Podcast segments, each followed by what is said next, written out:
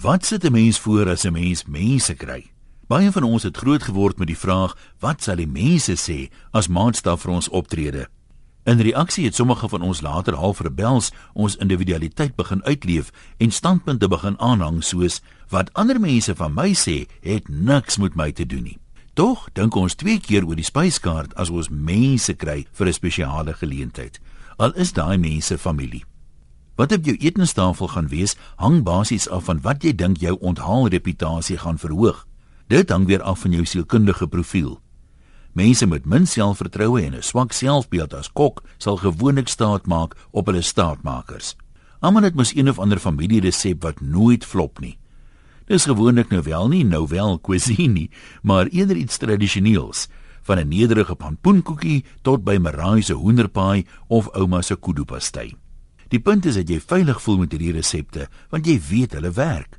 Die ander kant van hierdie munt is egter dat jy dan nie te veel kan onthaal nie. As jy elke slag dieselfde dis voorsit, gaan jy jouself binnekort afvra, wat gaan die mense sê? Hulle weet mos presies wat hulle alweer gaan kry.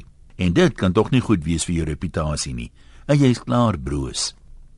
Dan kry jy mense wat darm dapper genoeg is om iets nuuts te probeer.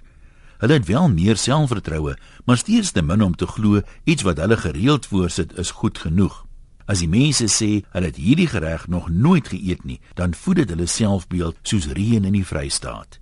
Hierdie mense Google dan vir nuwe idees of maak staat op China resepte en kry daar 'n ander familie se ou staatmaker resep. Die probleem met hierdie benadering is dat jou risiko dat iets gaan flop natuurlik aansienlik groter is. Jy het mos glad nie ondervinding van die dis nie. In 'n term soos bak tot goudbruin of stowel oor lae hitte tot gaar, laat jou maklik met 'n dis waarvan die mense sal sê, die vleis kon darm nog 'n rukkie gegaan het.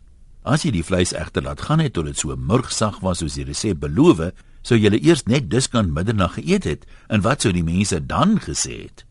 Ek dink die oplossing lê daarin dat ons nie dink ons is spesiaal genoeg nie. Hoekom wag tot jy mense kry voor jy iets nuuts wil optower? Almal het 'n ongeleese resepteboek in die kas en Google is net 'n knoppie ver. So hoekom besluit jy om ten minste een keer per week 'n bietjie te eksperimenteer en iets nuuts te kook nie?